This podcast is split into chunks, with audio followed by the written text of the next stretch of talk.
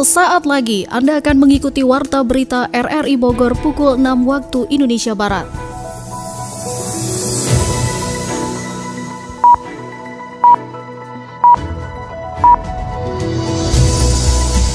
Selamat pagi dan salam jumpa. Kami kembali hadir dalam Warta Berita pagi ini Selasa 18 April 2023. Siaran ini juga dapat Anda dengarkan melalui audio streaming RRI Playgo dan dapat Anda dengarkan kembali melalui podcast kami di Spotify, Anchor, Hotel, dan juga Google Podcast. Berikut kami sampaikan berita utama.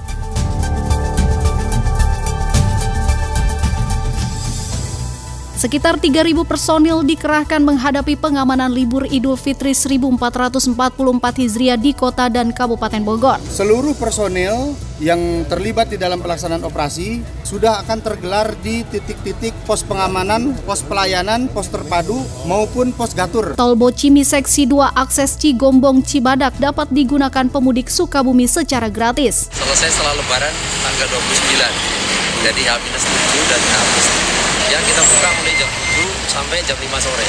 Sopir angkutan di Kota Bogor menggelar mogok operasi menuntut agar Biskita Transpakuan Kota Bogor segera berbayar. Menjelang lebaran diminta Dinas Perhubungan untuk tidak melakukan upaya penegakan hukum, pengawasan pengendalian operasi penertiban angkot. Bersama saya Melinda inilah warta berita RRI Bogor selengkapnya.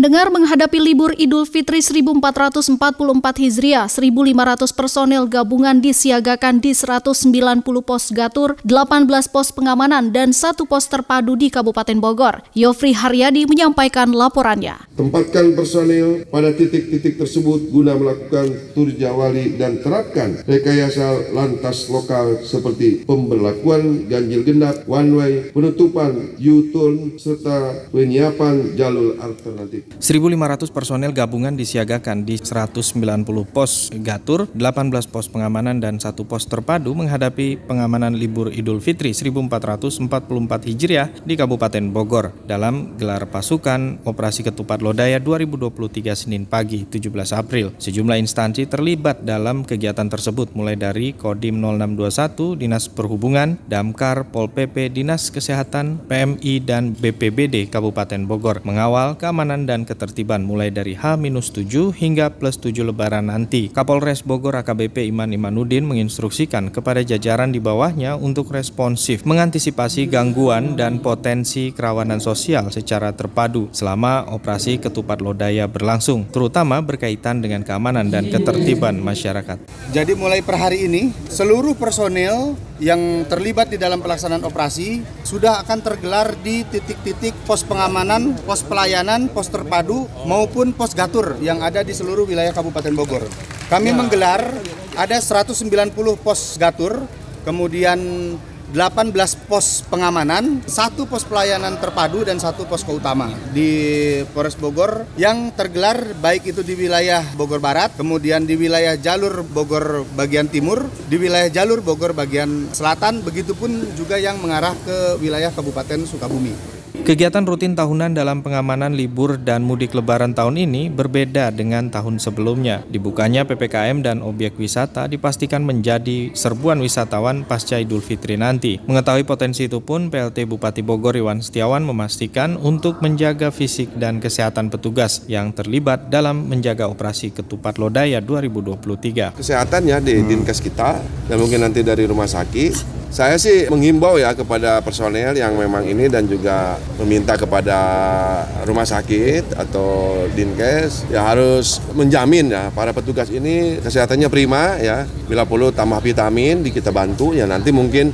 Hamin apa dari besok ya kami akan instruksikan lah Dinkes untuk membantu dan empat rumah sakit membantu untuk meningkatkan daya tahan para petugas supaya bekerja dengan maksimal tidak kalau udah kuat fisiknya insya Allah. Gitu. Dengan mengangkat tema besar mudik aman berkesan, kegiatan gelar operasi itu pun ditutup PLT Bupati didampingi Kapolres melepas 10 bus membawa 700 pemudik dalam program mudik gratis ke wilayah Timur Jawa sekaligus pemusnahan ribuan botol miras serta knalpot brong hasil operasi Polsek dan Pol PP di Kabupaten Bogor. Sementara itu di Kota Bogor sedikitnya dikerahkan 1.300 personel guna menjaga keamanan dan ketertiban libur lebaran 2023. Laporan Sony Agung Saputra. Gelar pasukan operasi Ketupat Lodaya 2023 berlangsung dari jajaran TNI Polri dan pemerintah Kota Bogor di alun-alun Bogor Senin pagi. Dalam agenda tersebut masyarakat dapat melihat langsung kesiapan aparatur TNI Polri dan pemerintah Kota Bogor seperti Dinas Perhubungan, Satpol PP dan BPBD dalam penanganan arus mudik dan balik tahun 2023 2023 karena berada di ruang terbuka. Sekretaris Dinas Perhubungan Kota Bogor Marse Saputra mengungkapkan aparaturnya sudah bersiaga sejak H-7 hingga H 7 pelaksanaan operasi ketupat lodaya 2023. Semua aparatur sudah bersiap untuk melakukan pengaturan arus lalu lintas terlebih saat adanya arus wisata di Kota Bogor sehingga masyarakat dapat merayakan lebaran dengan nyaman. Sementara itu dari kepolisian juga sudah mengerahkan 1.300 personil untuk bertugas melakukan penanganan semua aktivitas masyarakat saat arus mudik dan lebaran 2023. Sementara itu Kapolresta Bogor Kota Kombes Pol Bismo Teguh Prakoso menjelaskan dalam apel gelar pasukan yang berlangsung di alun-alun Kota Bogor melihat langsung semua kesiapan karena operasi ini melibatkan instansi dari berbagai stakeholder pemerintah dan masyarakat. Masyarakat akan mudik ke wilayah Sukabumi bisa menggunakan tol Bogor Ciawi Sukabumi atau Bocimi Seksi 2 akses Cigombong Cibadak secara gratis. Operasional tol dibatasi mulai pukul 7 pagi hingga 5 sore. Adi Fajar Nugraha melaporkan. Menghadapi arus mudik lebaran 2023, masyarakat yang akan mudik ke wilayah Sukabumi sudah bisa menggunakan tol Bogor Ciawi Sukabumi atau Bojimi Seksi 2 akses Cigombong Cibadak. Tol tersebut telah dibuka secara fungsional oleh PT Waskita Tol Route melalui anak perusahaan PT Trans Jabar Tol. Dijelaskan Direktur Pendalian dan K3 LMP PT Waskita Tol Route Muhammad Sadali bahwa jalan tol Bojimi Seksi 2 dibuka fungsional pada periode periode mudik 2023 mulai H-7 hingga H-7 Lebaran. Ia mengatakan operasional tol sepanjang 11,90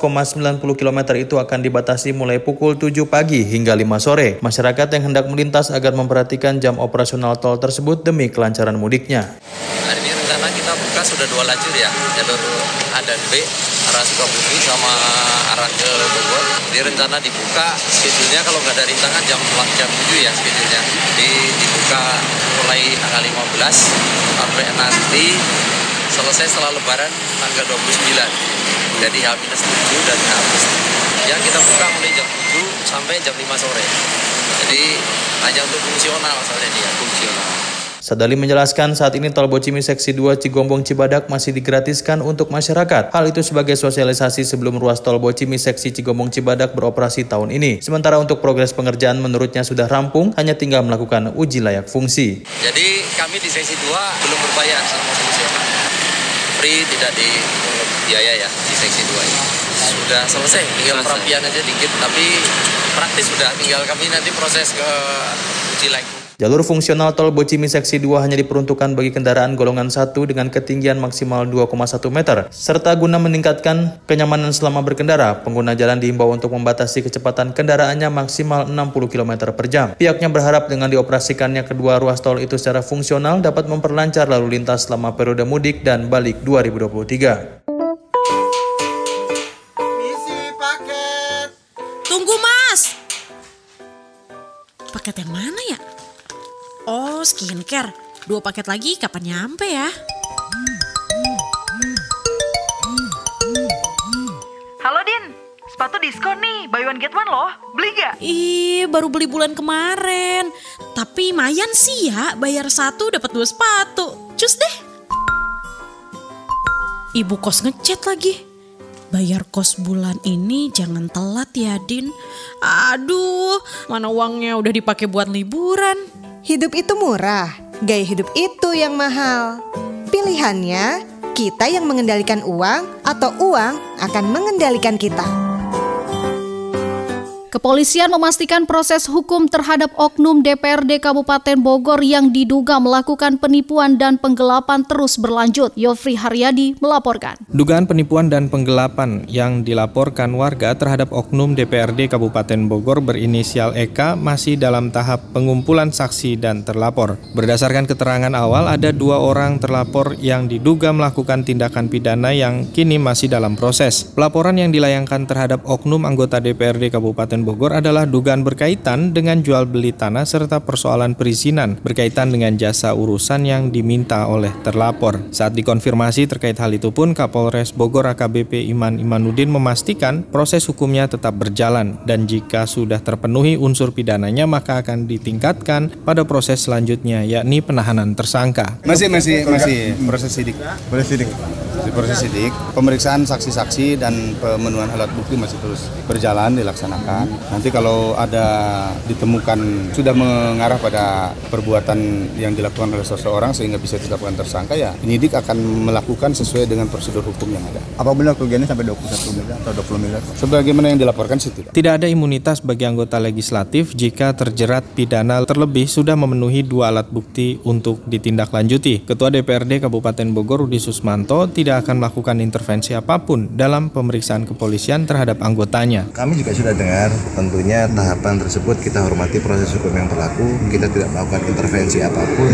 Selama benar akan tetap menjadi benar, kalaupun salah tentu proses hukum akan berjalan. Ya, kalau memang ketentuannya harus seperti itu, kita menghormati proses hukum. Saya rasa hal yang menyangkut tadi disampaikan oknum tersebut tidak ada sangkut pautnya dengan kinerja lembaga DPRD. Itu adalah pribadi anggota DPRD masing-masing. Terkait perkara itu pun baik pimpinan fraksi dan pimpinan partai politik yang bersangkutan belum ada upaya atau rencana penempatan pengganti antar waktu PAW terhadap anggota dewan bersangkutan EK yang terjerat masalah hukum. Sopir angkutan kota di Kota Bogor menggelar mogok operasi menuntut agar bis kita Transpakuan Kota Bogor segera berbayar. Laporan selengkapnya oleh Sony Agung Saputra. Ratusan pengemudi angkot dari berbagai jurusan di Kota Bogor melakukan aksi unjuk rasa di Balai Kota Bogor dan gedung DPRD setempat. Dalam aksi tersebut selama sekitar satu hari menyebabkan penumpang menjadi terlantar di berbagai jalan seperti Pajajaran, Otista, dan Juanda Kota Bogor karena tidak terlayani operasional angkutan. Salah seorang koordinator aksi mogok angkot Tri Handoyo mengungkapkan saat ini pengemudi angkot mengeluhkan tarif Transpakuan yang belum ditetapkan sehingga seharusnya menjadi sarana transportasi sudah ada tarif untuk mengaspal dari bis kita itu. Dampaknya terjadi penurunan penumpang angkot yang beralih ke bis kita Transpakuan sehingga jika sudah ada tarif maka akan lebih sehat persaingan usahanya. Bis itu tidak beroperasi karena memang bukan kewenangan daripada uh, Pemkot, PBTJ. Tetapi besok akan rapat video dengan PBTJ dan kementerian di sini. Dan kami boleh ikut. Tiga orang perwakilan akan sampaikan kalau tidak cepatnya hari itu keluar kita suruh berhentiin dulu. Berhenti karena biar tidak beban di sini tapi bebannya di sana.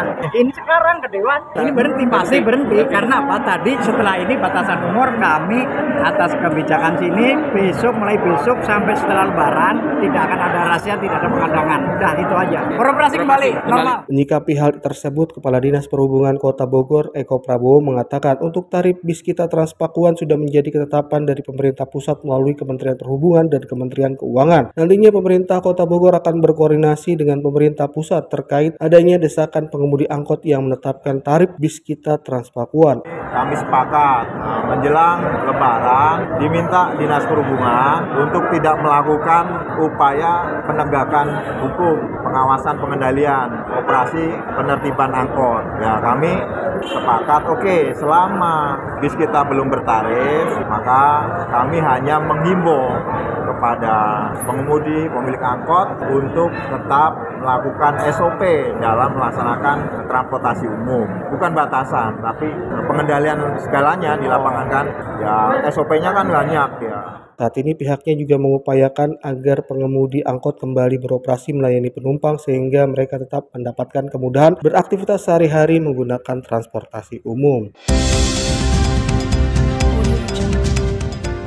Anda masih mendengarkan Warta Berita RRI Bogor.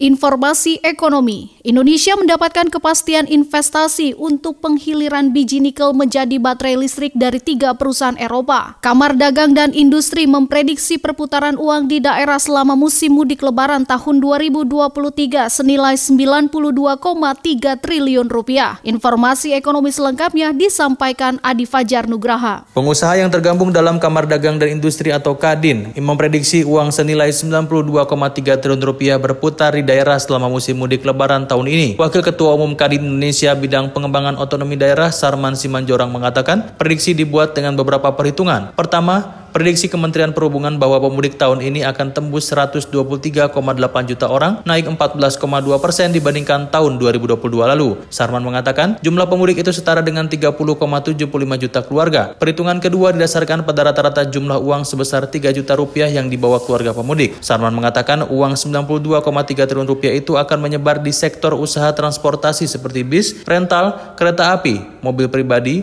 motor, kapal laut, dan pesawat. Uang juga akan menyebar ke industri kuliner, hotel, penginapan, restoran, kafe, destinasi wisata, UKM makanan khas daerah, penjual souvenir, warung dan toko di daerah dan berbagai produk unggulan daerah lainnya. Yang menambahkan uang itu 62,5 juta persennya akan berputar di Jawa seperti Jawa Tengah, Jawa Barat, Jawa Timur, Yogyakarta, Banten, dan Jabodetabek. Pemudik 77,3 persen atau 19,32 juta pemudik memang ada di daerah itu. Sementara itu 37,5 persen lainnya akan menyebar ke Sumatera, Kalimantan, Bali, NTB, Sulawesi, NTT, Maluku, dan Papua. Ia berharap potensi perputaran yang cukup besar tersebut bisa membuat ekonomi daerah semakin produktif dan bergairah, sehingga target pertumbuhan ekonomi kuartal 1 2023 sebesar 5 persen diharapkan dapat tercapai.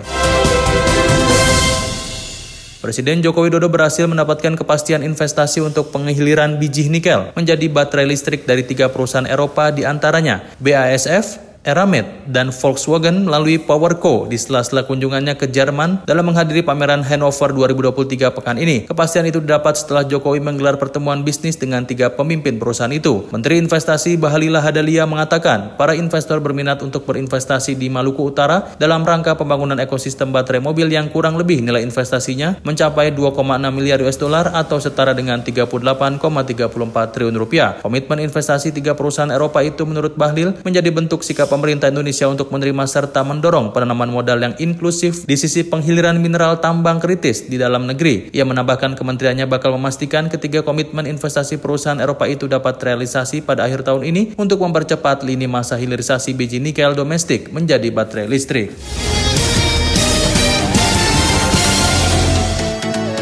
Informasi olahraga.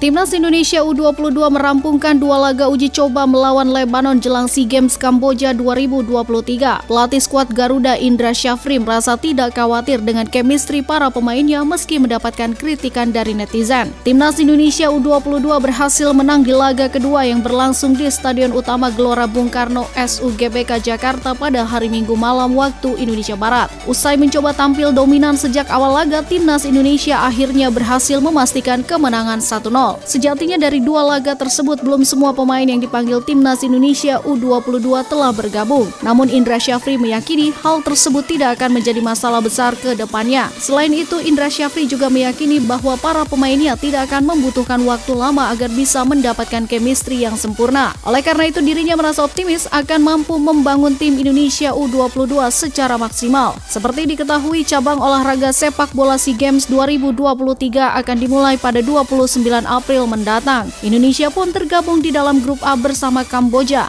Myanmar, Filipina, dan juga Timur Leste. Ketua Umum Komite Olahraga Masyarakat Indonesia Kormi Jawa Barat Denda Alamsyah dan juga Kadispora Kota Bogor Heri Karnadi menjadi narasumber pada acara Scale Up Kormi Kota Hujan. Agenda talk show ini digelar sebagai upaya untuk bisa meningkatkan kapasitas wawasan para pengurus Kormi Kota Bogor di bawah komando Zainul Mutakim. Zainul Mutakim menyampaikan jika semua pengurus harus mengetahui apa itu Kormi. Untuk itu Zainul mengundang langsung Denda Alamsyah dan juga Heri Karnadi karena menurutnya sangat penting bagi pengurus untuk bisa memahami tugas dan fungsi Kormi sebagai mitra pemerintah untuk bisa memfasilitasi serta juga memotivasi dunia olahraga kepada masyarakat luas. Kita sudah sudah menjalani ini sebetulnya. Saya dengan Kang Boy dengan eh, teman-teman yang lain kan sudah sudah uh, menjalani ini dan kita sudah juga mengikuti ajang-ajang baik di tingkat provinsi maupun tingkat nasional. Cuma memang kita belum sempat mengadakan ajang di uh, tingkat seleksi di tingkat Kota Bogor tapi insya Allah menghadapi menghadapi Fornas mungkin ada kegiatan itu. Tapi untuk Inorga masing-masing juga melaksanakan itu seleksi di, di internal kemudian yang prestasinya bagus nanti akan nanti kemudian dikirim ke Porpro maupun Fornas. Talk show diisi dengan tanya jawab dengan beberapa pengurus dan Zainul Mutakim juga tak lupa membahas rencana festival olahraga tradisional di Kota Hujan. Sementara itu Dispora Kabupaten Bogor juga terus berkomitmen dalam pelestarian olahraga tradisional kepada masyarakat Bumi Tegar Beriman. Dedi Supriyadi selaku Subkoordinator Otrat dan Layanan Khusus mengatakan Dispora Kabupaten Bogor melalui bidang pembudayaan olahraga salah satu bentuk komitmen Dispora dalam pelestarian olahraga tradisional ini adalah dengan menggelar kegiatan pelatihan olahraga tradisional. Kegiatan pelatihan ini menjadi media yang tepat untuk kembali memasyarakatkan olahraga tradisional di kalangan masyarakat Kabupaten Bogor, terutama kalangan generasi muda dan pelajar. Awal itu kita pengenalan ya, lebih ke pengenalan bentuk olahraga tradisional termasuk jenis pertandingannya seperti apa. Guru-guru ini ya dibekali dengan itu.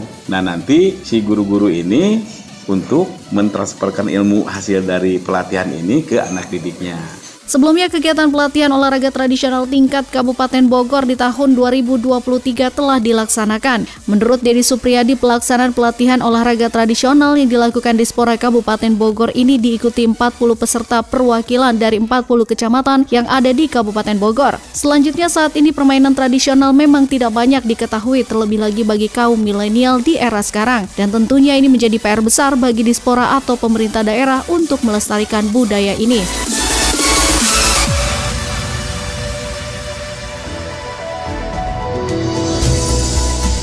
Demikian informasi yang dapat kami sampaikan dan berikut kembali kami sampaikan berita utama hari ini. Sekitar 3.000 personil dikerahkan menghadapi pengamanan libur Idul Fitri 1444 Hijriah di kota dan Kabupaten Bogor.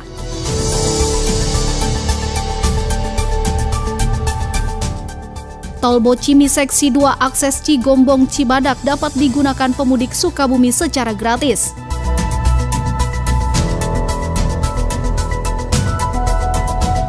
Sopir angkutan di Kota Bogor menggelar mogok operasi menuntut agar bis kita Transpakuan Kota Bogor segera berbayar.